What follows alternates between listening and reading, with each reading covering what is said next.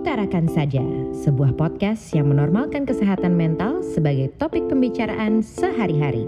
Dipersembahkan oleh Ubah Stigma.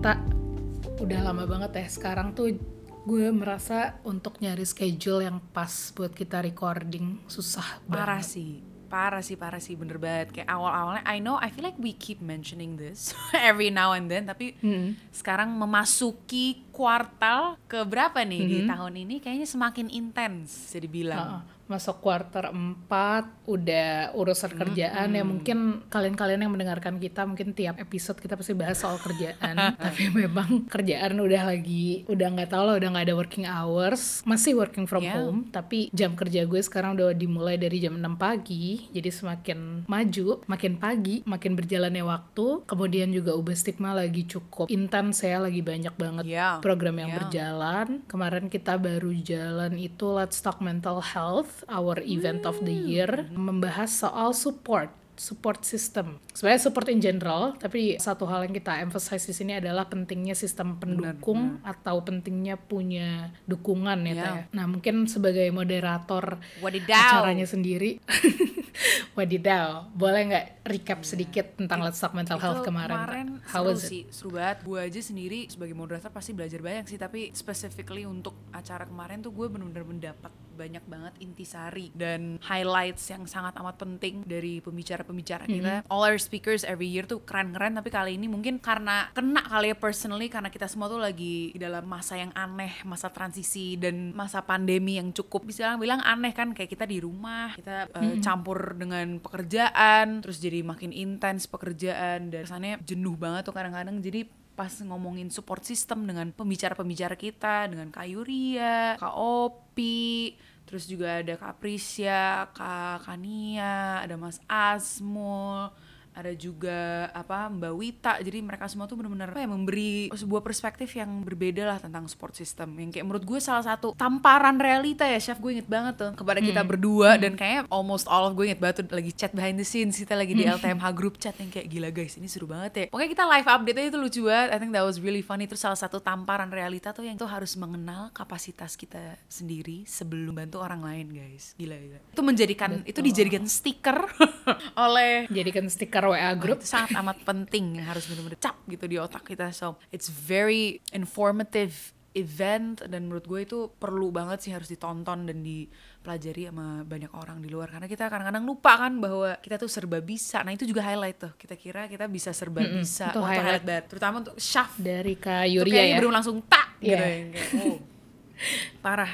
Ditampar Tampar. gue. Langsung kayak cep. Kanan kiri. Jadi itu sih menurut gue yang bener-bener highlight untuk gue tuh pentingnya mengenal diri kita sendiri agar menjadi support system yang baik bukan hanya untuk orang lain tetapi yang paling penting juga untuk diri kita sendiri gitu. Gimana chef nice. Wah kalau gue sama sih sebenarnya belajar banyak banget dari Let's Talk Mental Health kemarin. Jadi mungkin buat teman-teman yang mendengarkan juga sebenarnya Stock Mental Health ini adalah ajang untuk kami tim Ubah Stigma tuh belajar Oh, sebenarnya. Jadi Banget. kita nyari-nyari topik yang yang bisa kita sendiri juga pelajarin lebih lanjut dan ngangkat tema support ini tuh topik support sendiri menurut gue orang tuh tahu itu penting tapi tuh nggak pernah disorot sih menurut gue. Kayak cuma underlying theme in a way. Jadi kayak ada selalu ada selalu dibutuhkan tapi nggak pernah terlalu di diangkat gitu. Padahal sebenarnya adanya support ini kan bisa membantu diri kita sendiri bisa membantu orang lain juga. Dan itu tadi sih bener yang lo bilang tak setuju banget soal memahami kapasitas diri sendiri untuk bisa menjadi support yang baik untuk diri Iya. sendiri dan orang lain dan gimana yang gue inget banget si Kak Opi sama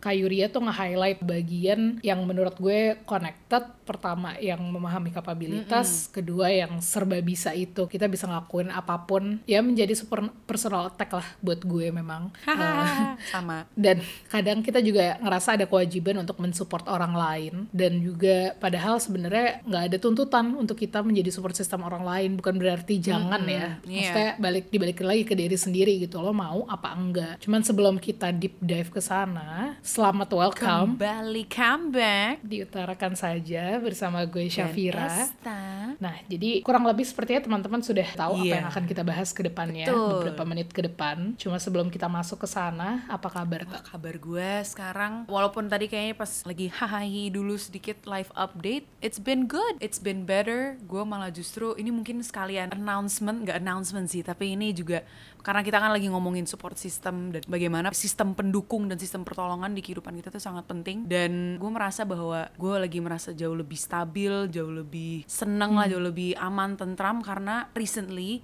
gue juga decide untuk sebenarnya keluarkan dari ubah stigma cie dari dan juga dari podcast ini guys jangan sedih cie Oh, Sad. Tapi itulah makanya yang membuat proses ini tuh sangat jauh lebih aman, jauh lebih tentram, jauh lebih baik dan lebih positif karena karena Syafira, Farah, karena Asael, Emily, Sasha dan tim gue semuanya dari marketing dan semuanya karena mereka sangat amat suportif gitu. Itu menurut gue yang sangat amat penting.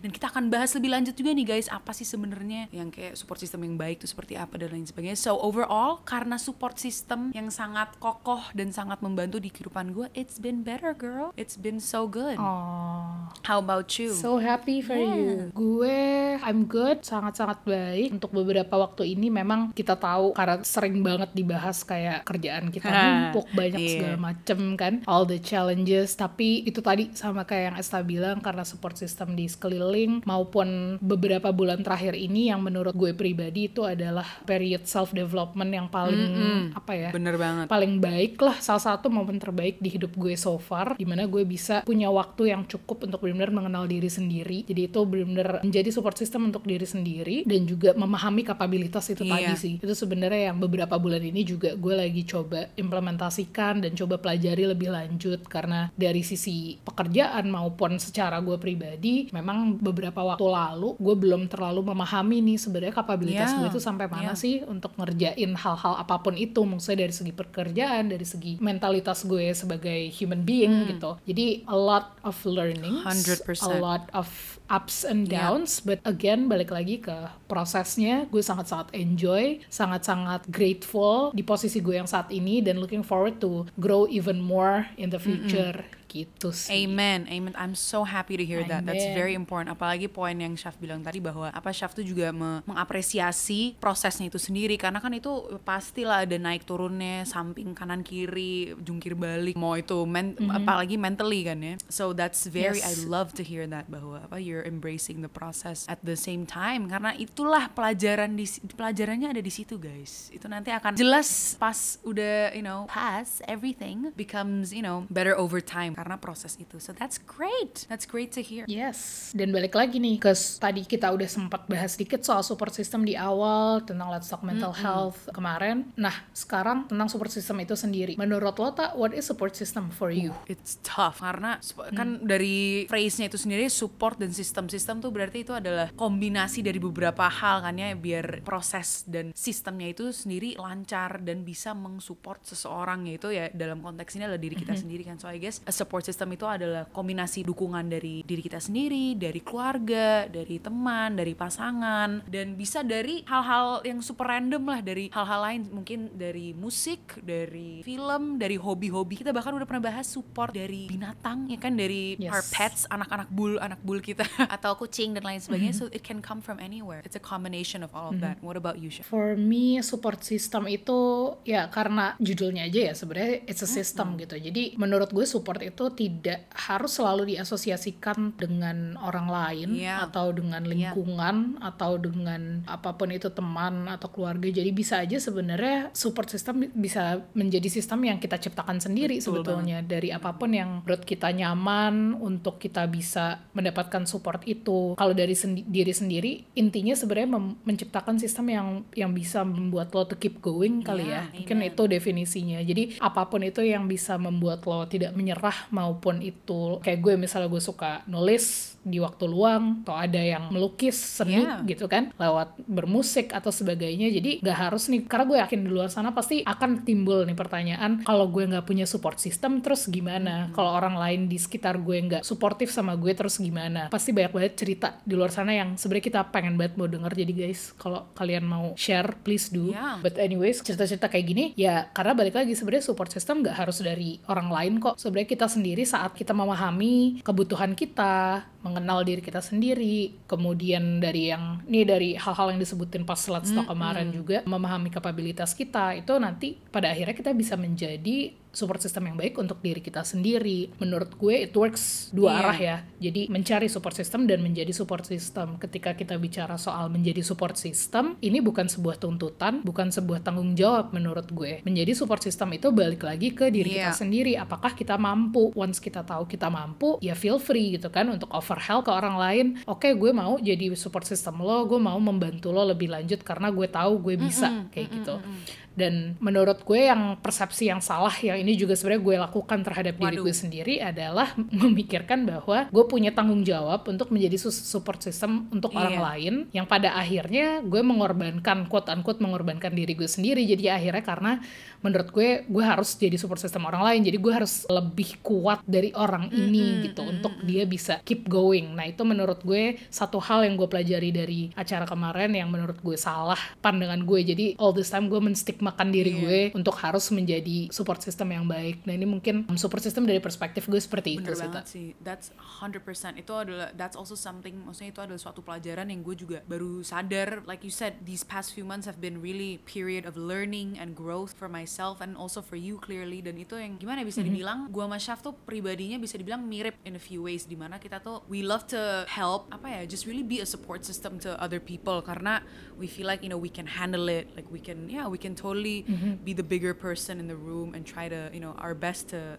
help others dan lain-lain. Tapi in the process ya bisa dibilang we kind of forgot about ourselves ya kan kita jadi lupa. Gue juga merasa Yeah. banget tuh gue akhirnya kelupaan diri gue sendiri apalagi terutama dari masa pandemi ini. Jadi bener banget tuh chef point lo bilang tentang apa salah satu kunci di balik mengenal diri kita sendiri sebagai support system dan menjadi support system untuk orang lain adalah juga mengenal perbatasan-perbatasan dan boundaries di lingkungan kita dan di diri kita sendiri dan juga dengan hubungan yang kita ada dengan orang-orang lain gitu. Terutama yang banyak banget sih orang mungkin nggak kepikiran juga dengan keluarga ya kan keluarga dan juga teman-teman kita. Bisa dibilang kan keluarga itu adalah support system bukan support system utama ya. I guess ya bisa dibilang utama tapi mereka adalah support system pertama di kehidupan kita kan. Benar-benar kita lahir langsung udah ada ayah ibu ada kayak kakak adik ada keluarga kita kan di surrounding kita. Kita tumbuh bersama mereka. Itu dan eventually kita akan membuat teman-teman dan sahabat-sahabat. Tapi bisa dibilang keluarga dan sahabat itu adalah support system utama gitu di, di kehidupan kita. Dan selama beberapa bulan ini sih gue juga belajar banyak sih Syaf tentang hubungan gue dengan keluarga gue dan juga dengan teman-teman dan sahabat gue dan bagaimana itu semua bisa mengefek the support system that I have built in my life gitu kan. Gue sadar bahwa keluarga gue itu support systemnya gak harus sama dengan teman-teman gue dan bahkan in a way teman-teman gue tuh can serve more as a support system than my family. Tapi dengan cara yang berbeda ya bisa dibilang gitu. Kayak misalnya gue mikir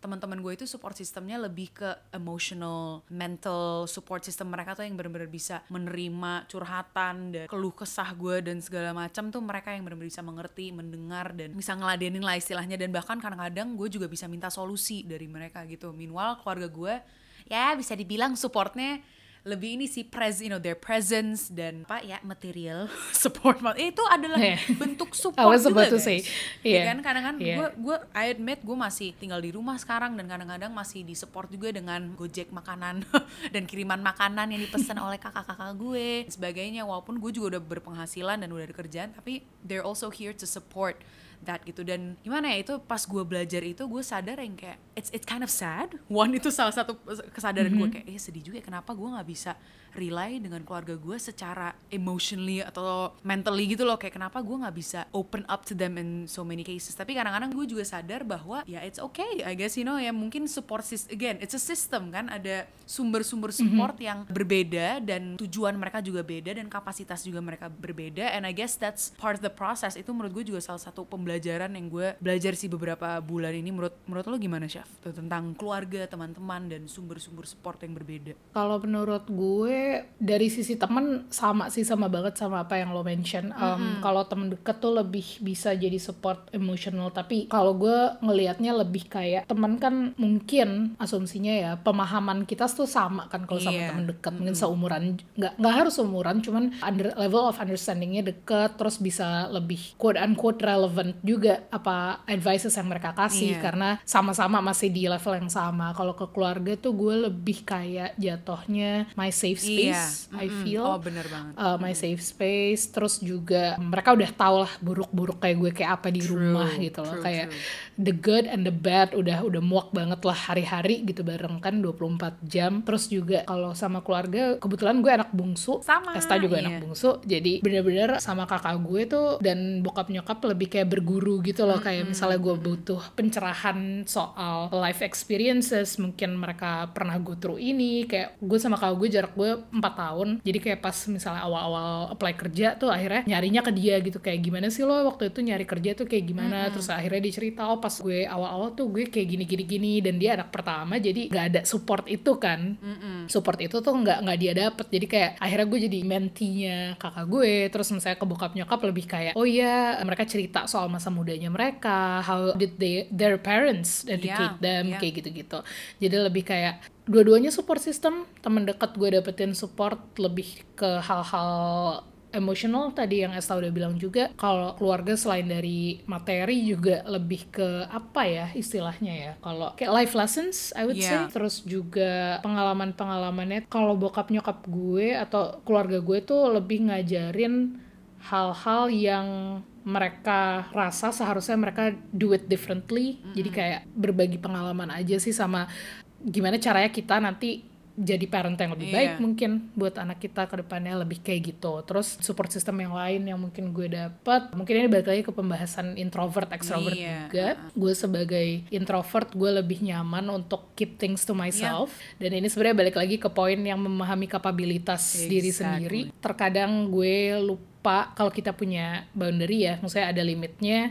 Jadi kadang tuh dipendem pendem pendem akhirnya meledak nah itu juga menurut gue pentingnya ada support system itu untuk mengeluarkan itu tuh unek-unek lo yang ada di kepala mau itu lo ke keluarga lo temen dekat atau lo mau nulis aja atau lo mau kayak nangis aja di kamar itu menurut gue nggak ada masalah sih jadi selain keluarga dan temen dekat kalau buat gue support system gue sih adalah diri gue Yeah, sendiri I agree. Itu bener banget. Apalagi poin lo yang it goes back to yourself. Ultimately, it really does go back to yourself. The proses ini adalah proses lifelong proses ya yang benar-benar sangat amat panjang Mhm. yang akan berakhir pas ya kita lanjut ke dunia selanjutnya. Ke apa? Ke dunia akhirat Yes. ya kan? It, it literally ends there. Yes. itu nggak akan apa end kayak tiap bulan atau apa. It's all a never ending journey of getting to know yourself. And dari situlah kita bisa mengenal orang lain di sekitar kita. Dan bener banget sih chef now that you mention on how kayak your family itu sebenarnya juga the fact that mereka itu adalah safe space untuk lo itu juga ben- bener juga ya gue jadi mikir ya that's totally a form of support di mana mereka tuh udah kenal kita bener-bener dari yang you know yang terburuk-buruknya yang bener-bener dari kerjaannya cuma tidur-tiduran yang kayak makan tidur yang bener-bener nggak ngapa-ngapain and you know they've seen pretty much the bad and the good and the best and the worst and everything so yeah and the fact that kita juga bisa nggak ngapa-ngapain di rumah dan apa kakak adik dan Dan masih iya, dan diterima. masih diterima dan bahkan masih disupport juga dengan you know dengan juga. makanan apalah dan dengan rumah dengan adanya rumah itu it really does it makes you think yang bener juga that in itself itu that's a huge form of support dan untuk kalian yang mungkin merasa yang kayak ah itu nggak cukup I mean, just you know it's fine it's okay you're all you're in your own journey tapi ya siapa tahu Mm-hmm. episode ini bisa membuka cie kita who, kita siapa sih chef iya gue, gue siapa? pertama disclaimer gue bukan siapa-siapa Disclaimer, gue bukan siapa-siapa, gue hanya orang yang baru sadar bahwa support system itu penting, baru Iya, guys. memahami, dan juga ini sih tak, gue baru inget juga kenapa gue bilang keluarga safe space juga, karena mereka tuh mereka juga menjadi korban kalau kita moodnya lagi jelek, itu yang kena imbas pasti keluarga iya duluan sih. bener banget. Gue gue nggak tahu orang lain nih kalau ada nih hebat banget. Kalau ada orang yang moodnya lagi jelek nggak marah-marah sama keluarganya. Tuh gue amazed sih kalau kalian bisa melakukan itu. Iya. gue selama ini apalagi nih sekarang nih kebetulan gue lagi masa-masa PMS Wow. ya. Bokap nyokap gue udah terkena imbas setiap hari. Itu gue akan mendefend diri gue. Jadi gue bangun shield setiap PMS itu. Mereka tidak bisa menyentuh gue atau mendekati gue atau ngomong sama Iya. gue. Itu udah udah tiap bulan akan terjadi. Jadi bentuk di mana mereka menerima kita di saat kita lagi gini aja itu menurut gue udah support yang gede banget lo maksudnya kasarannya kayak lo kalau sama pacar kayak gitu kan berantem Iya. ujung-ujungnya. Lo kayak gitu sama temen, temen lo bisa ya cabut ah males ah nggak mau ngomong, chatnya nggak dibales atau nggak pergi aja. Terus ada keluarga yang abis itu marah-marah-marah tapi ya ya udah mereka nggak bakal Iya, ke mana-mana mau lah gitu. kan nih satu rumah kan ya dan maksudnya ya kalian keluarga gitu jadi damn bro appreciate your family y'all including me Ya, Yes. yeah, it's those little things the fact Yes. terima, menerima imbas bener banget sih nggak Menerima usah nggak usah imbas. yang verbal ya maksudnya the fact misalnya lu diemin aja keluarga lu seharian kan itu juga nggak enak kan ya merasanya maksudnya di kalau gue kalau gue digituin sih gue merasa inse dikit yang kayak gila gue ngapain ya gitu kan tapi ya terima Iya, aja jadi itu makanan sehari-hari keluarga kita semua. Exactly. Terima kasih kakak-kakak dan eh kakak gue nggak ada adik dan kakak-kakak aku dan, dan semuanya ya. Loh, Tapi bener banget. Ada lah Eh, oh Gordon. iya.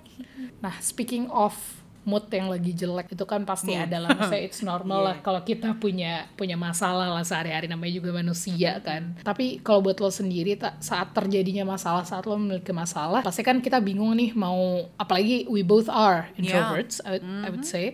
Terus pasti kan bingung dan insecure nih kalau gue share dijudge nggak ya Iya. atau apa gitu. Kalau buat lo sendiri support system kayak apa sih yang lo butuhkan di saat-saat seperti itu? Apakah didengerin aja cukup? Atau lo bener-bener kayak gue maunya dikasih solusi gue maunya di guide atau kayak I gimana love that question. Karena itu penting banget. Itu juga again salah satu pembelajaran yang gue belajar in the in this year in the, these past few months tuh the different ini kan yang kayak kebutuhan support tuh sebenarnya kayak gimana. Apalagi kalau lagi udah wah ini harus ngeluarin unek-unek banget nih. Apakah perlu didengerin aja? Atau gue malah justru perlu solusi? Karena awal-awal kayak tahun lalu dan ya awal-awal masih pas pas masih lebih muda lah gue belum ngerti tuh kayak perbedaan-perbedaan itu dan responsnya itu sebenarnya gimana ke gue nya sendiri kalau gue perlu cuma didengerin atau malah justru perlu solusi. Karena kadang-kadang kita nggak expect juga kan misalnya kita lagi cerita sama temen terus sebenarnya kita nggak sadar bahwa kita tuh cuma mau didengerin ya kan? Tapi tiba-tiba teman kita Iya. udah mendorong berapa ratus solusi aja terus kita malah merasa yang kayak kok gue kok dia nggak ngerti ya? Lah ya kan?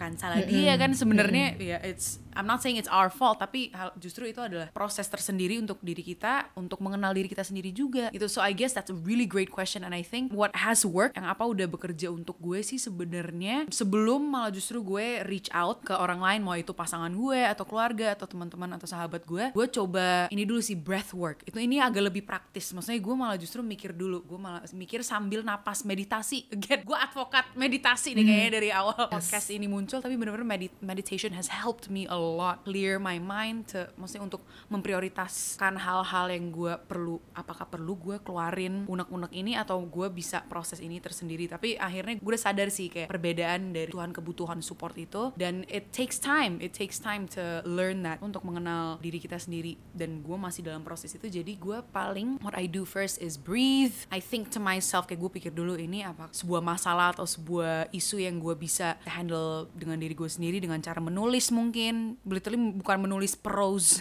prosa atau cerpen apa enggak ya bener-bener cuma nulis unek-uneknya aja di Journaling journaling aja ya? exactly. Gue tulis aja di kertas atau di jurnal gue apa masalah itu dan kadang-kadang it actually works. Sebenarnya gue merasa bahwa gue tuh udah transfer masalah yang banyak dan berbelit-belit di otak gue ke medium lain. Jadi almost liter nggak literally sih tapi symbolically dan emotionally itu udah dipindah lah ke buku gitu kan. Jadi wah ini gue merasa udah agak le- lebih lega lah gitu. So journaling can totally be a form of support system juga sebenarnya which has been great. Baru kalau misalnya itu udah nggak cukup ya kan baru gue mulai lah pelan-pelan ke sahabat-sahabat gue yang bener-bener gue trust yang gue tahu mereka akan apa menerima unek-unekan dan apa masalah-masalah gue yang yang gue kira itu nggak akan pernah didengar dengan orang lain dan diterima I tell them including my boyfriend juga sebenarnya. Nah baru dari situ gue bisa perlahan-lahan mood gue akan jauh lebih tenang dan tentram setelah mengenal diri gue sendiri dan mengerti bahwa memang ada sumber-sumber dan medium-medium yang berbeda untuk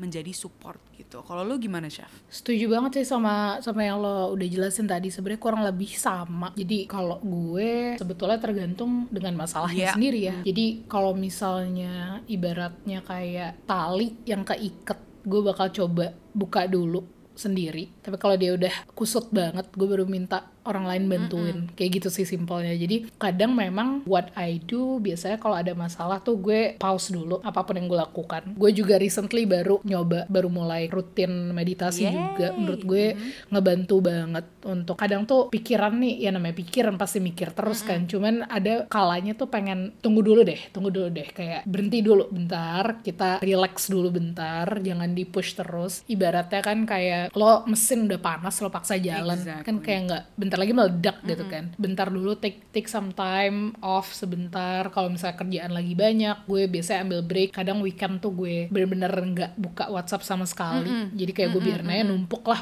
biarin lah nanti senin gue gue buka lagi kayak gitu. Cuman biasa itu gue take some time off. Terus gue yang ini yang udah gue lakuin sebenarnya bertahun-tahun itu adalah punya conversation sama diri sendiri. Jadi gue bener-bener di kamar ngomong aja sendiri. Orang mbak gue tuh kira gue lagi call lagi telepon atau lagi video call atau meeting. Padahal tuh gue simply ngomong aja sama diri sendiri. Iya. kayak I say it out loud gitu. Jadi udah gue nggak akan menginvolve pikiran gue lagi. Gue biarkan suara gue yang keluar dan kuping gue yang denger. Jadi kayak balik lagi kan itu. Coba deh proses lagi. Masuk akal nggak kalau kayak gini? Apa yang bisa diubah kayak gitu? Nah itu gue ngobrol aja. Oh oke. Udah ketemu solusinya. Nextnya kayak gimana? Problem ini solve apa enggak? Kalau solve ya udah I get over it gitu. I accept oke gue I had this issue. Gue punya masalah ini sekarang it's time to move on. Udah selesai kan. Nggak akan ngeblok apa pun. Nggak nggak akan menjadi penghalang lo untuk go forward gitulah istilahnya. Nah tapi ketika masalahnya gue nggak bisa solve sendiri ini juga merupakan journey yang cukup panjang untuk gue akhirnya bisa menerima kalau nggak semua masalah gue bisa selesaiin sendiri. Iya. itu require cukup waktu yang cukup lama. Nah ini baru gue mungkin minta advice dari teman dekat gue atau dari keluarga gue atau dari orang-orang yang memang ahlinya lah gitu. Kayak misalnya kalau masalah kerjaan gue ke manajer gue atau ke mentor gue kalau misalnya nanti urusan personal mungkin ya ke teman dekat atau keluarga gue kayak gitu. Jadi balik lagi tergantung sih. Kadang juga gue pengen aja ngomel ke orang kayak nggak nggak ada alasan gitu gue pengen kayak ngomel-ngomel terus didengerin terus udah and it will make me feel better in a way gitu jadi balik lagi tergantung tapi buat gue sama sama poin lo tadi adalah memahami itu kebutuhan lo tuh apa lo tuh mau ngomel doang lo mau nyari solusi lo mau ngomel sambil didengerin orang atau lo mau solve sendiri nah itu Yeah. balik lagi kitanya harus ngerti sih menurut Yeah. gue gitu 100%. We're the longest relationship we'll ever have is with ourselves kan. Disclaimer, kita hanya mem- membuka dan men-sharing tentang sebuah pengalaman dan pembelajaran recently that I think has been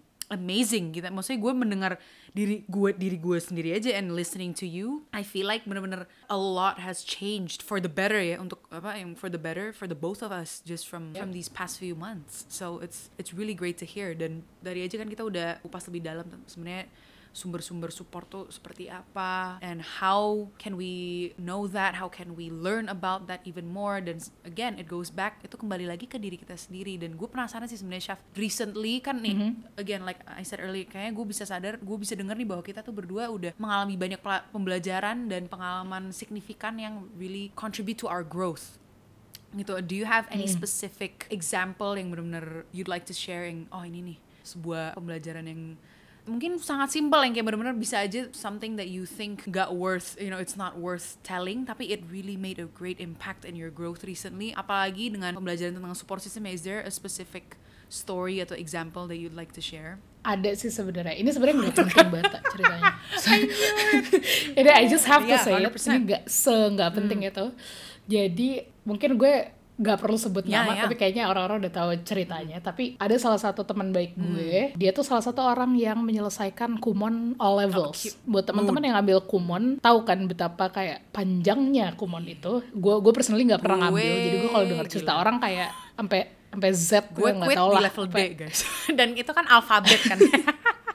Sampai Iya, sampai mana ya? Sampai empat O berarti. deh, lupa gue tapi ya gitulah. Gue nggak tahu tapi yang yang gue tahu tuh kumon itu kan levelnya Banget, panjang banget, banget, dan sulit gitu kan. Gue tau lah tentang cerita ini itu itu cerita nggak penting banget kan cuma kayak oh oke FYI gitu. Tapi entah kenapa itu tuh menjadi motivasi gue untuk jadi inspirasi gue buat nggak menyerah gitu loh atas apa yang gue mau capai ke depannya. Tapi nggak nggak sesimpel karena cerita itu terus gue jadi motivated nggak. Cuman maksudnya dari situ gue ajak ngobrol lah si teman gue ini. Kayak kenapa what what makes you keep going doing Iya, gitu. Orang kan iya. punya seribu satu alasan untuk quit Kumon semudah itu kan. Kayak ngapain dilanjutin? Terus simpel aja dia bilang kayak ya ngapain lo? Udah susah-susah terus lo berhenti usaha lo sebelumnya ya sia-sia aja gitu kan. Itu kan sebenarnya kata-kata simple yang lo tahu lo udah tahu dari dulu itu sering diomongin di mana aja tapi for some reason at that moment itu jadi tamparan buat gue. Karena for the longest time dari dari dulu banget sampai sekarang tuh gue nggak pernah menyelesaikan apa yang gue mulai. Jadi tuh selalu aja kayak gue ngikutin mood gue kalau gue udah kayak ah udah males ah ya udah gitu tinggalin aja gitu. Tapi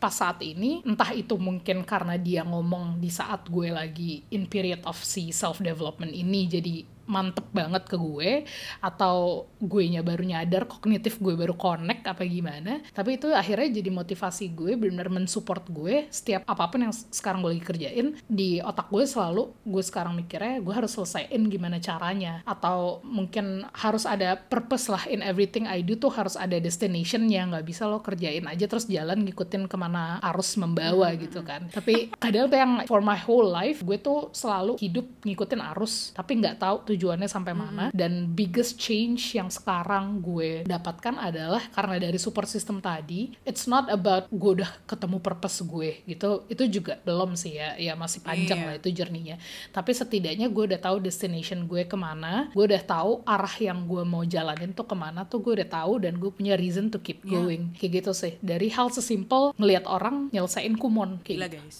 salah satu cerita yang nggak penting tapi menurut gue gue juga bingung sih Iya, kenapa yeah. Of about course, gue itu itu kocak banget sih. But I love it. Maksudnya it's the little things, literally the little things Mm-hmm. yang once you realize bagaimana hal sekecil dan mungkin senggak penting, quote unquote senggak penting itu tuh bisa sangat ngerelate lah dengan situasi lo saat itu gitu. So I think that's beautiful.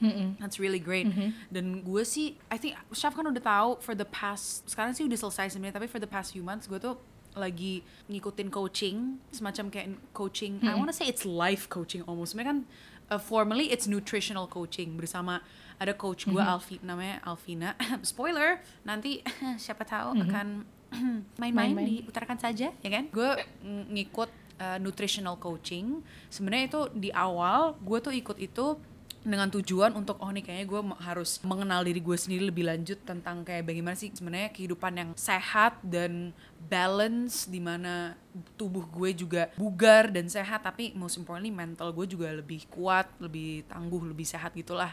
That was in the beginning that was my purpose karena di awal itu gue merasa gue kayak nggak merasa confident in myself. Apalagi kan itu awal-awal masuk pandemi kan tuh kayaknya gue udah naik berapa kilo juga sis. Jadi gue merasa yang kayak aduh I'm- I was just not feeling myself deh. Dan waktu itu gue juga lagi lower back injury gue nggak bisa olahraga. And so I was just in a really weird place di mana I really felt kayak I just didn't feel confident. So I decided you know what? Gue mau deh coba nih nutritional coaching sama coach Alvina. Dan emang apa Chef and I we were already really big fans of her. Karena she's apa she's really great Yep. kan kita ke Empire. Dulu she was in Empire the gym yang kita work out. Dan dia juga aktif di social media with all her tips and tricks. Dan honestly gue nggak expect apa-apa kan dari coaching itu. Gue kira ini cuman bakal kayak apa sih dia ngasih tips untuk gue lose weight. Dan akhirnya gue oke fine I lose weight. Yay happy. But truly it, the past kan gue coaching sama dia tuh lima lima bulan. It has been a huge learning curve untuk gue. Dan apa not just dari segi nutrition and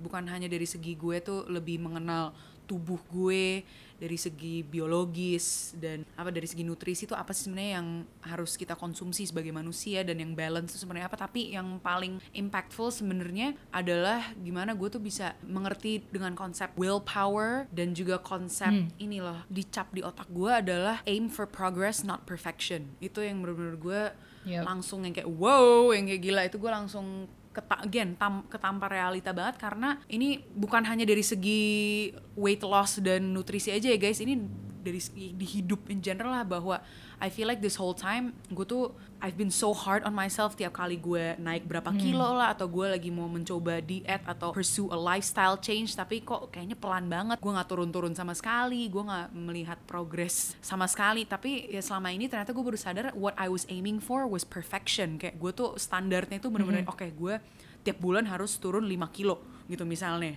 Minimal kan tubuh kita kan we're a complex creature. Kayak maksudnya manusia itu kan bukan hanya sesimpel oke kita kurangin makan naikin olahraga boom done. That's the equation. Tapi dari coaching ini dengan coach Alvina dia tuh mengajar gue bahwa ya tubuh kita psikis kita otak kita dan lingkungan kita itu it's more than that. Itu tuh health itu tuh adalah not just mental health physical health but it's environmental health. Jadi bener-bener yang kayak kita tuh harus mengenal diri kita sendiri beyond just that bahwa we can't just terus menerus rely on our willpower kayak kemauan, apa ke kebeeman lo itu kan iya nggak bisa exactly. Kita nggak nggak bisa terus menerus rely dengan kemauan keras kita ini karena eventually kemauan itu kan naik turun bisa aja turunnya benar-benar drastis yang kayak aduh gue malas gue dengan motivasi. Terus nanti misalnya ini dalam konteks apa eh, diet ya kalau misalnya wah ini willpower lo udah kenceng banget terus tiba-tiba it's gone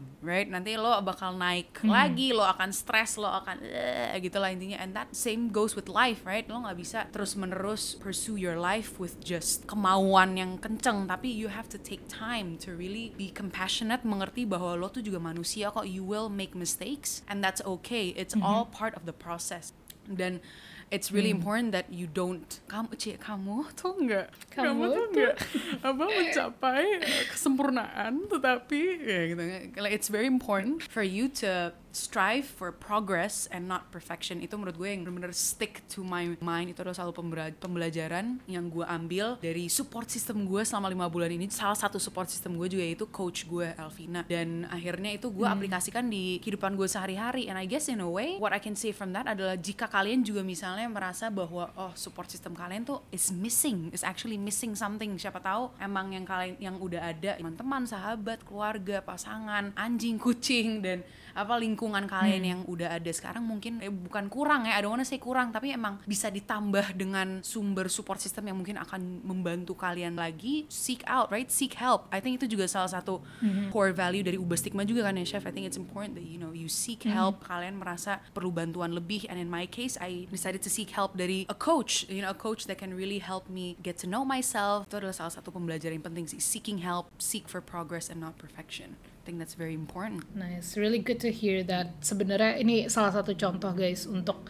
memahami kalau memang butuh pertolongan ya dicari Ya, gitu. Jangan end up tuh banyak gue sering dengar cerita tuh orang ngedumel aja gitu, complaining aja kayak ah kurang ini kurang itu terus solusinya apa? Lo mau nggak seek help? Lo mau nggak nyari sumber lain? Atau lo bakal stuck di lingkungan saat ini yang mungkin buat diri lo sebenarnya kurang suportif gitu. Jadi nyari solusinya tuh bukan semata-mata nungguin orang buat ngasih solusi. Mungkin persepsi yang harus dibenerin kali ya Taya. Harus mau untuk nyari di luar itu. Oke kalau di dalam gua nggak ketemu, di lingkungan yang sekarang gue nggak ketemu, bisa nggak gue cari di lingkungan lain? Atau misalnya eh, diri gue sendiri udah cukup suportif belum dengan diri gue sendiri gitu. Itu yang yang dibalikin lagi sih sebenarnya ke poin yang tadi kita udah bahas juga. Kita kan tadi udah ngomong gimana caranya kita seek support system, dari mana aja sih gue sama Esta dapat support system. Nah, sekarang coba dibalik perspektifnya, pernah nggak lo jadi support system buat orang lain atau mungkin dari keluarga, ke temen kayak gitu dan kayak gimana sih pengalamannya? Apa yang lo lakuin gitu pas jadi support system untuk orang lain? bisa dibilang it happens every day ya kan bukan hanya yang pertama gue langsung muncul di otak gue sih gue jadi support system untuk anjing gue guys. Yang kayak itu udah itu udah fix. Lah ibaratnya gue adalah orang tua dia karena ya dia kan ke mana-mana mau bu, mau BAB mau mau makan mau minum kan I have to give it to him. Gitu so that's like the first example. Yang gue mikir aja gue adalah support system untuk anjing gue. Tapi at the same time untuk teman-teman gue kembali lagi sih ke tadi yang kita bahas preference preference kita sendiri. Ingin uh, mendapat support system dari sumber-sumber di luar diri kita sendiri gue juga memberi support itu secara c customize. Ya gue denger dulu butuhan teman-teman gue tuh sebenarnya mau apa dulu? Apakah perlu again just a shoulder to cry on? Atau cuman perlu uh, didengar cuma perlu dimengerti cuma perlu di ya again didengar atau malah justru mereka mencari solusi dari gue gitu. And, and luckily untungnya apa opini gue juga di apa dihargai dari segi itu dan gue bisa memberi uh, sesuatu kembali ke teman-teman gue yang memang mungkin perlukan solusi suatu masalah yang tertentu ataupun hanya ingin didengar aja. Kadang-kadang itu sih kebanyakan mereka cuma perlu apalagi kan sekarang lagi pandemi nggak bisa ketemu kan ya chef? Jadi sesimpel kita Mm-hmm. phone call ataupun di WhatsApp pun sesimpel menurut gue ini ini lucu banget sih. Bukan lucu tapi it's something that I've also learned recently. Karena pandemi ini karena kita udah jarang ya kadang-kadang kan males nelpon juga dan nggak bisa ketemu. What I've learned to do through WhatsApp ya specifically dari WhatsApp cara kita apa ya bisa menjadi support system untuk mendengar atau be there for someone and make sure mereka tuh merasa dengar adalah jangan exit WhatsApp kalau mereka lagi curhat. Maksudnya kelihatan kita tuh online terus. Yes. itu menurut gue so Yes, small so so small Iya. tapi kerasa lah. Soalnya gue merasa diri merasa juga misalnya gue lagi curhat nih sama kayak sama my boyfriend atau sama teman gue gue lagi panjang kan lagi enak nih bener-bener. Apalagi kalau chatnya udah bukan paragraf yang kayak langsung brek brek brek brek kayak small messages tuh kayaknya seru banget. Terus tiba-tiba gue lihat teman gue nggak online lagi gue merasa ya kok mereka kok dia kayaknya udah nggak tertarik gitu kayak. Padahal kan sebenarnya Iya. cuman ya siapa tahu dia lagi ada telepon atau lagi apa ada notif email atau dari Instagram atau apa kan you never know. Tapi I feel like dalam konteks pandemi ini dan dalam konteks sekarang yang kan kita lagi nggak bisa bertemu nggak bisa kadang-kadang juga males banget kayaknya call. I think that's very a small thing to do. Jujur kalian kalau misalnya belum siap untuk melihat semuanya taruh aja HP di sebelah lu. Dulu nunggu dia mungkin selesai ngomong ya kan selesai chatnya brek brek brek yang penting mereka bisa lihat oh dia tuh ada kok dia online berarti dia ada gitu so I think that's a small hack yang yang kayak gue belajar that maybe can work what about you Shaf? Kalau gue menjadi support system untuk orang lain ya tentunya ada sih misalnya teman dekat, keluarga juga.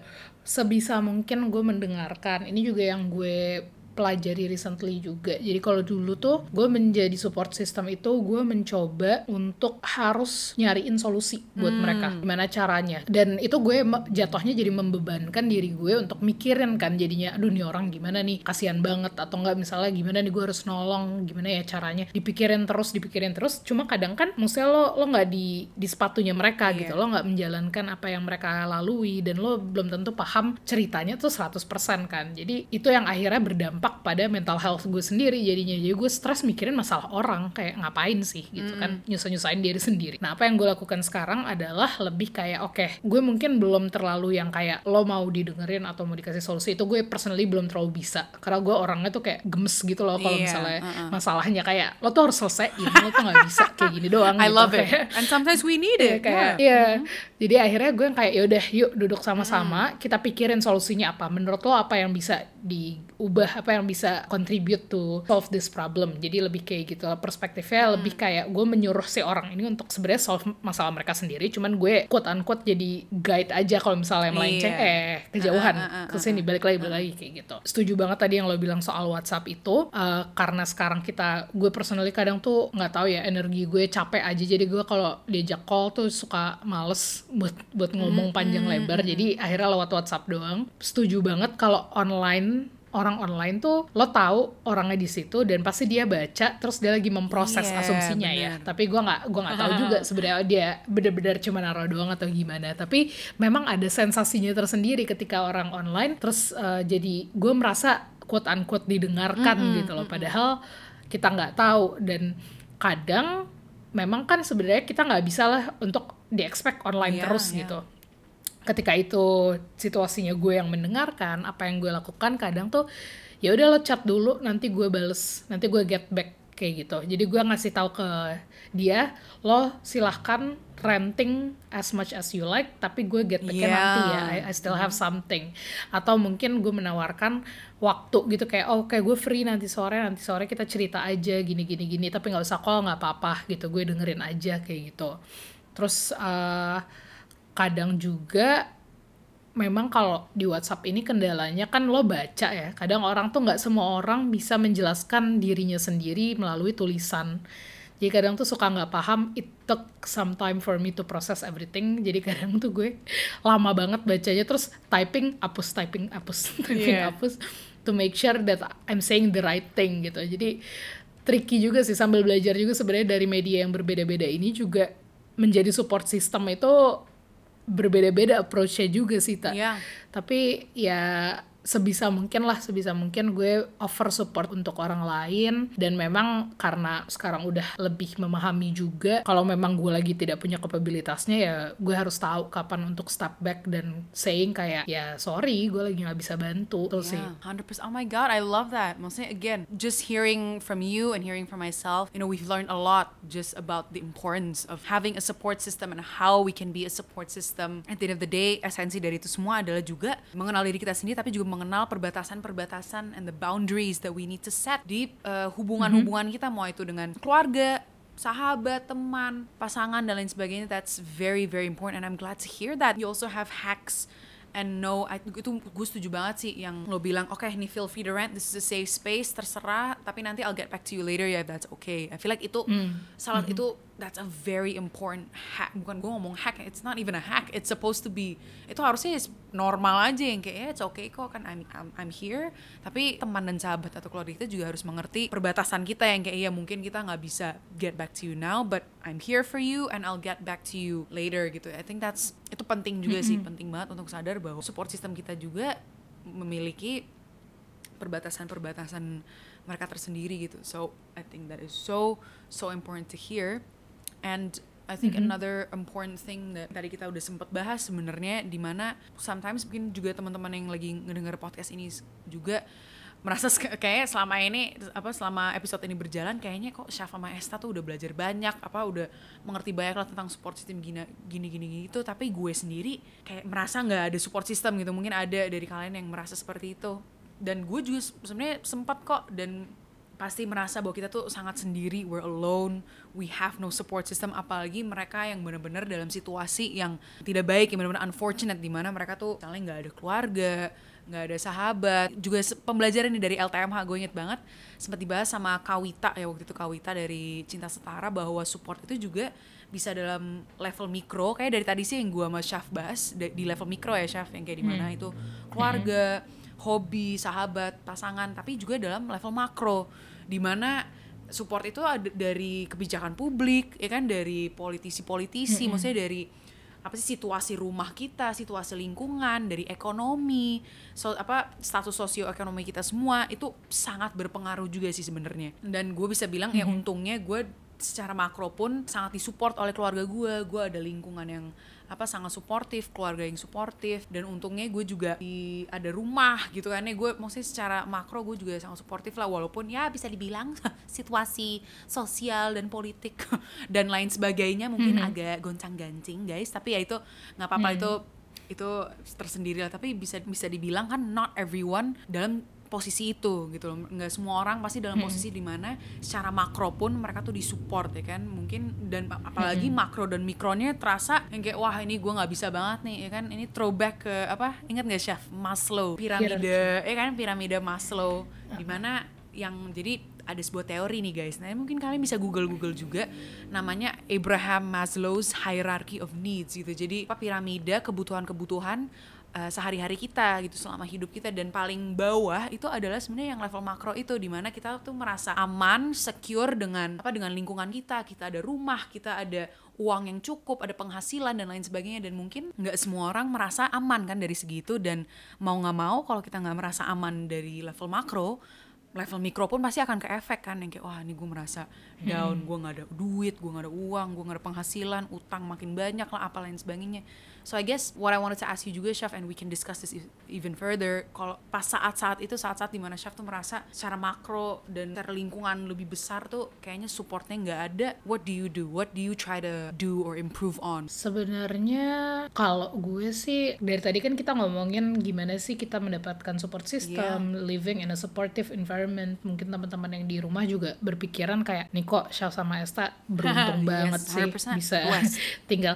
Which gue nggak me- apa ya tidak mendinai hal Yeah. itu ya memang alhamdulillah gue hidup di lingkungan yang suportif tapi bukan berarti semua hal di hidup gue itu disupport. Ya. Gitu. Jadi nggak nggak semua hal di hidup gue gue mendapatkan support yang cukup. Dan ketika gue tidak mendapatkan support itu biasanya gue nyari sih. Maksudnya apa yang bisa gue lakukan untuk fulfill kebutuhan gue untuk disupport ini apa pun itu misalnya. Nggak nggak ada support apa finansial Iya. gitu. Ya udah gue cari kerja gitu. Kayak misalnya pas zaman kuliah tuh ada masanya gue iseng apply part time kerja di gudang. Gudang salah satu retail store gitulah jadi kerjaan gue tuh bener-bener kayak ngestok ngestok barang kan menjelang Natal bakal sale gede-gedean. Jadi jam 6 sampai 10 pagi. Jadi kalian bayangkan gue dari jam 6 pagi tuh udah di gudang itu habis kerja gue langsung kelas dan sebagainya memang itu salah satu cara untuk gue ngefulfill kebutuhan gue karena gue butuh ya gue akan cari gimana caranya untuk mengefulfill itu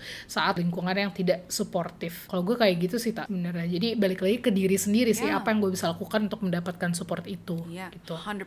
Thank you for sharing that. I mean, again, like Chef said, going back to yourself dan reframe the situation sih. Ini mungkin kita udah sempat bahas juga deh kayaknya di beberapa episode yang lalu. Tapi melihat sebuah situasi dari potensi yang ada dari situasi itu mau sejelek apa pun ya pasti ada kok uh, apa suatu hal yang kalian bisa ambil sebagai pembelajaran yang penting, sebagai pembelajaran positif. Istilahnya kalau di bahasa Inggris itu silver lining kan. There's a silver lining to everything that you do and everything that happens. Itu oh my god, who are we? Again. Guys. ini jadi kayak motivation Iya talk guys, gitu gila ini nanti kita akan ada convention ya di GBK di mana ada convention besar-besaran dengan pyroteknik dan api-api dan lain sebagainya dan gua dan chef akan menjadi coach dan life guide kalian. Oh, gila, who are we? But again, it's the truth, right? Itu dari maksudnya dari pembelajaran kita aja sih dan pembelajaran gua bahwa it's really important tadi dari contohnya chef she was able to take the situation ya di mana ini lagi nggak ada pekerjaan, lagi nggak ada merasanya ini wah ini kayak nggak ada arah sama sekali, but she took the situation, used it to her advantage. Dia nge-reframe bahwa oke, gue bisa mungkin kalau belum bisa kerjaan full time, ya udah gue part time aja. Yang penting kan gue bisa bekerja, gue bisa ada sedikit penghasilan sedikit atau sebanyak apa pun, and she made it work. So I think it's really important for us to mencoba untuk mereframe ya, melihat suatu situasi itu dengan potensinya. Ya gitu, jadi intinya ya jangan stuck di jalan buntu Yeah. gitu loh. Lo punya option muter balik, puter balik cari jalan lain. Sebenarnya balik lagi ke situ based on pengalaman gue personally ya. Ini gue tidak tidak mencoba untuk menggurui Mm-mm, benar, siapa pun, tapi benar-benar purely cuma sharing experience aja. Tapi hal-hal yang gue pelajari belakangan ini tuh banyak banget yang tamparan kanan kiri atas bawah semua tuh kena gitu loh. Jadi kayak dihadapkan di situasi seperti itu yang sangat gue sangat bersyukur mendapatkan support in that way gitu. Support di mana lo di, dibangunkan gitu loh. Please lo lihat apa yang bisa lo improve dari hidup lo saat ini. Terus juga kalau lagi ada masalah lo harus seek ke mana gitu gitu tuh thankfully gue bisa mendapatkan itu. Dan hopefully melalui discussion kita juga bisa membantu mungkin orang-orang yang belum Yeah. sempat belajar lebih lanjut tentang support system dan sebagainya gitu. Sekarang kan kita juga udah banyak nih komunitas-komunitas yang fokus nggak cuma yang fokus ke kesehatan mental tapi komunitas pada umumnya itu kan komunitas act as a support group I would say Iya. gitu kan. Jadi kumpulan orang yang memiliki ketertarikan dalam satu hal yang sama itu juga form of support system gitu yang kalian bisa cari banyak banget kalau suka lari ada komunitas lari, suka nyanyi ada komunitasnya, TikTok bahkan para Iya. musisi TikTok ada komunitasnya. Bener banget. Kemudian kalau misalnya spesifik kayak Ubah Stigma itu komunitas yang peduli sama-sama peduli sama kesehatan mental gitu. Menurut lo tak gimana sih dampak kayak adanya komunitas-komunitas ini specifically ya misalnya sama kesehatan mental yang kita lakuin sekarang impactnya ke topik kesehatan mental sendiri itu seperti apa? menurut gue penting penting banget sih ini mungkin bias ya bodo amat sih sebenarnya ini bias 100% karena emang kita terjun di dalam dunia ini kan ya Chef kita Yeah. benar-benar experience first hand bagaimana sih sebenarnya dampaknya menjadi bagian dari sebuah komunitas dan juga melihat komunitas-komunitas lain di dunia kesehatan mental ini. Dan like said nggak harus juga di di dunia kesehatan mental ada juga yang TikTok ada hubungan internasional ada lingkungan hidup dan lain banyak banget deh komunitas-komunitas di luar sana di mana kalian tuh bisa ikutin kalian bisa menjadi anggota mungkin. Dan apa ya I think that's the im- important part the feeling of belonging and apa ya the feeling of belonging the feeling of getting support dari orang-orang yang sepemi- sepemikiran dengan kalian. Itu sih menurut gue yang sangat amat penting dan gue bisa rasakan dari ubah stigma adalah gue merasa gue nyaman aman dan bisa mengekspresikan ide apa pun yang ada di otak gue dan bisa direalisasikan bersama-sama juga. Itu adalah yang apa ya elemen penting dari sebuah komunitas adalah itu sih menurut gue yang di mana kalian tuh bisa nyaman aja gitu dan bisa ketemu orang-orang baru dan apa at the same time mungkin yang paling penting malah justru di mana lo tuh merasa nggak nyaman. Itu mungkin yang awal-awalnya yang kayak wah lo merasa lo dengan teman-teman sepemikiran dan ada banyak orang-orang baru jadi yang kayak wah it's really cute really fun. Tapi pelajaran yang paling penting malah justru kalau kalian ikut komunitas adalah kalian bertemu dengan masalah-masalah, bertemu dengan orang-orang yang mungkin gak sepemikiran dengan kalian, punya krisis 1, 2, 3, 4 seperti ubah stigma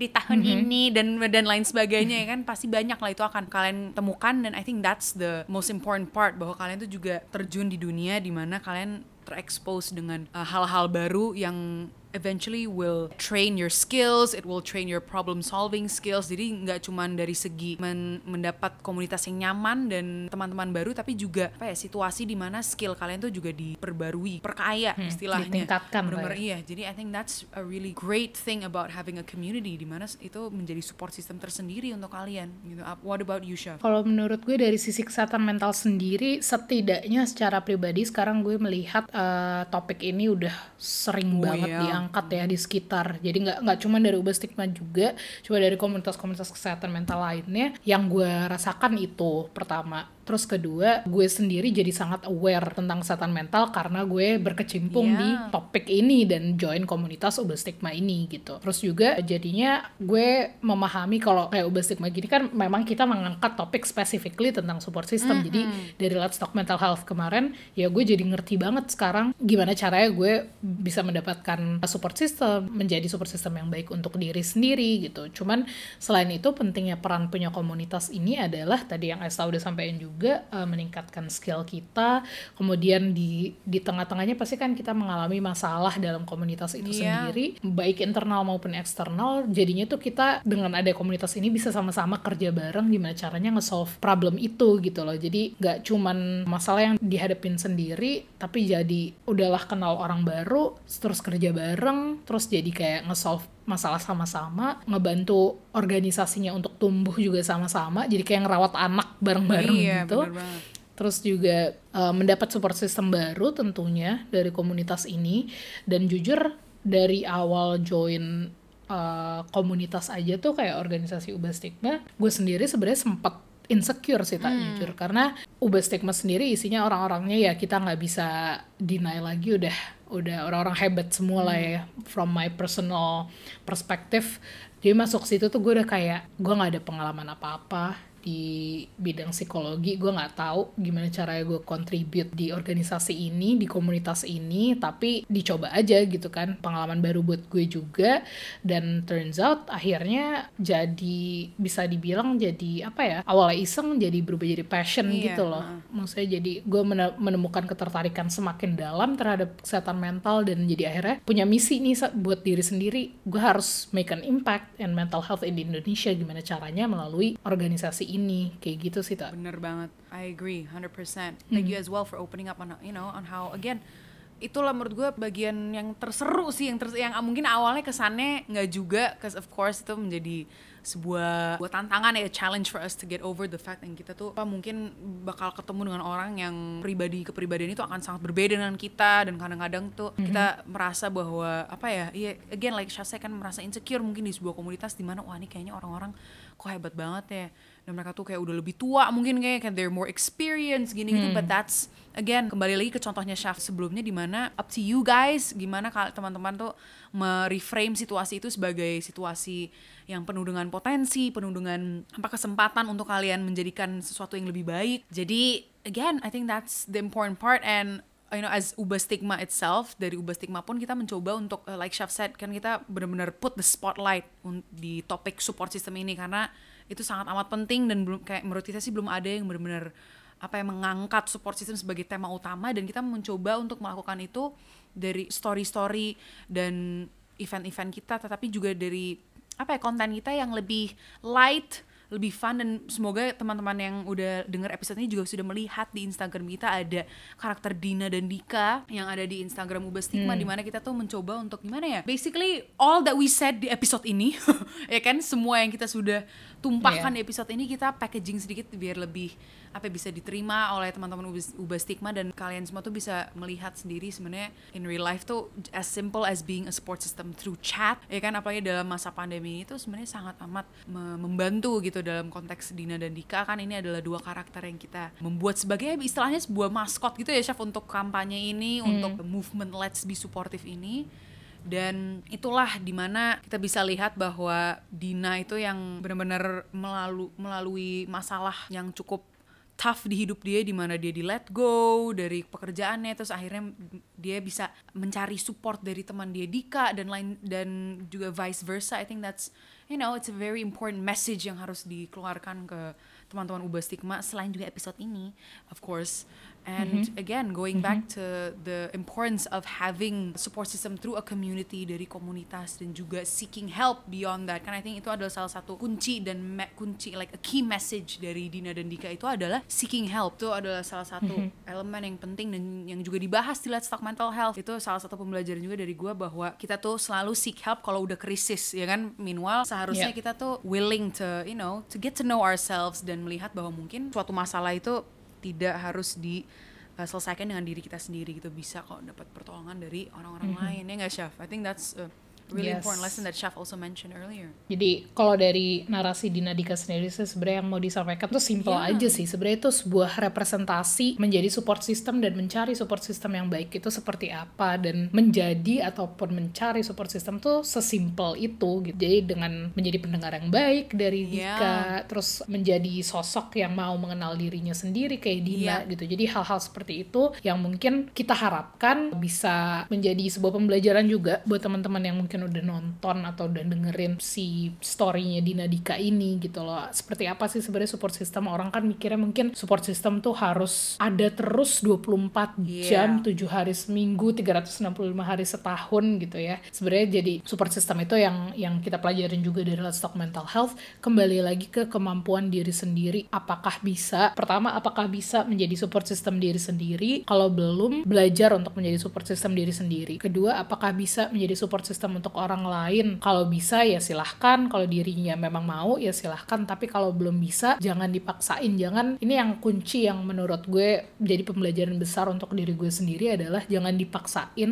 kalau memang diri itu nggak mampu. Jadi memahami kapabilitas diri sendiri itu sangat-sangat penting gitu. Kayak ibaratnya kalau misalnya semua hal di hidup kita kan pasti kita tahu limitnya sampai mana. Kita beli botol air kan, botol air minum gitu. Satu liter ya udah batas dia satu liter. Abis itu kan kita nggak mungkin isi paksain sampai 2 liter gitu. Sama halnya kan sama diri kita juga kita harus sudah tahu ada batasannya dan kalau misalnya kita melewati batasan-batasan ini, impactnya juga akan ke diri sendiri kayak gitu. Jadi sebenarnya pentingnya punya support system, yes penting punya support system. Tapi support system ini nggak harus dari orang lain. Kalian bisa temuin di mana aja dan selama kalian mau untuk cari terus support system yang tepat, itu pasti kalian bakal dapat. Karena menurut gue mungkin satu episode ini kan yang dengar bisa beranggapan, oh Esta sama Chef beruntung banget nih udah dapet support Iya. system yang tepat bla bla bla. Tapi sebenarnya nggak juga. Gue dan Esta juga bertahun-tahun nyari support system yang tepat dan menyadari bahwa itu support system yang tepat itu ya baru-baru ini gitu, baru-baru sekarang-sekarang ini dan kita masih tetap terus sama-sama sambil belajar juga untuk ke depannya gimana caranya nih mempertahankan support system yang ini Iya. dan gimana caranya bisa jadi support system yang lebih baik untuk orang lain dan sebagainya. Itu sih sebenarnya semuanya dibalikin lagi ke diri sendiri. Kita nggak ada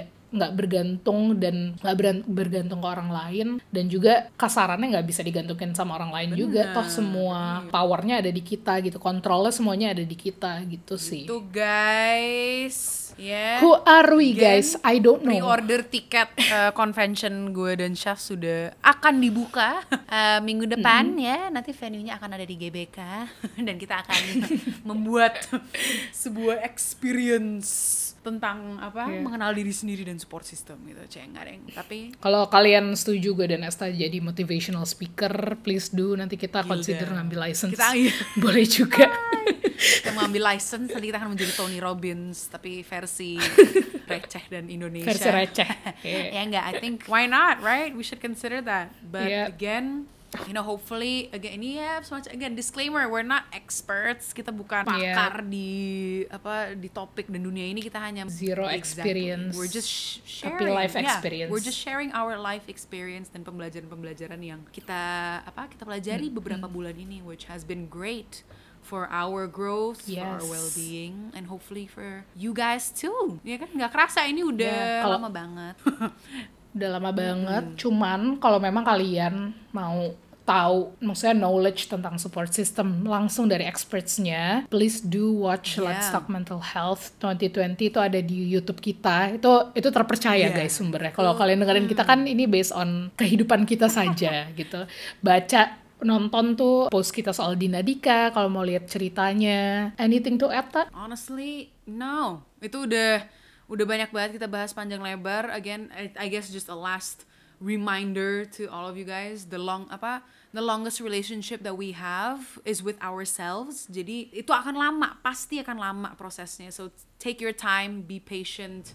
And be compassionate gitu karena again it's it all goes back to ourselves. Hell Yes, yeah. I think that is all for today's episode. Terima kasih banyak kepada kalian yang sudah survive mendengarkan kita belok-belok sana sini eh, sampai apa akhir episode ini ya kan semoga kalian bisa mempelajari banyak dari pengalaman gue dan Syaf and we'll see you in the next episode. Bye.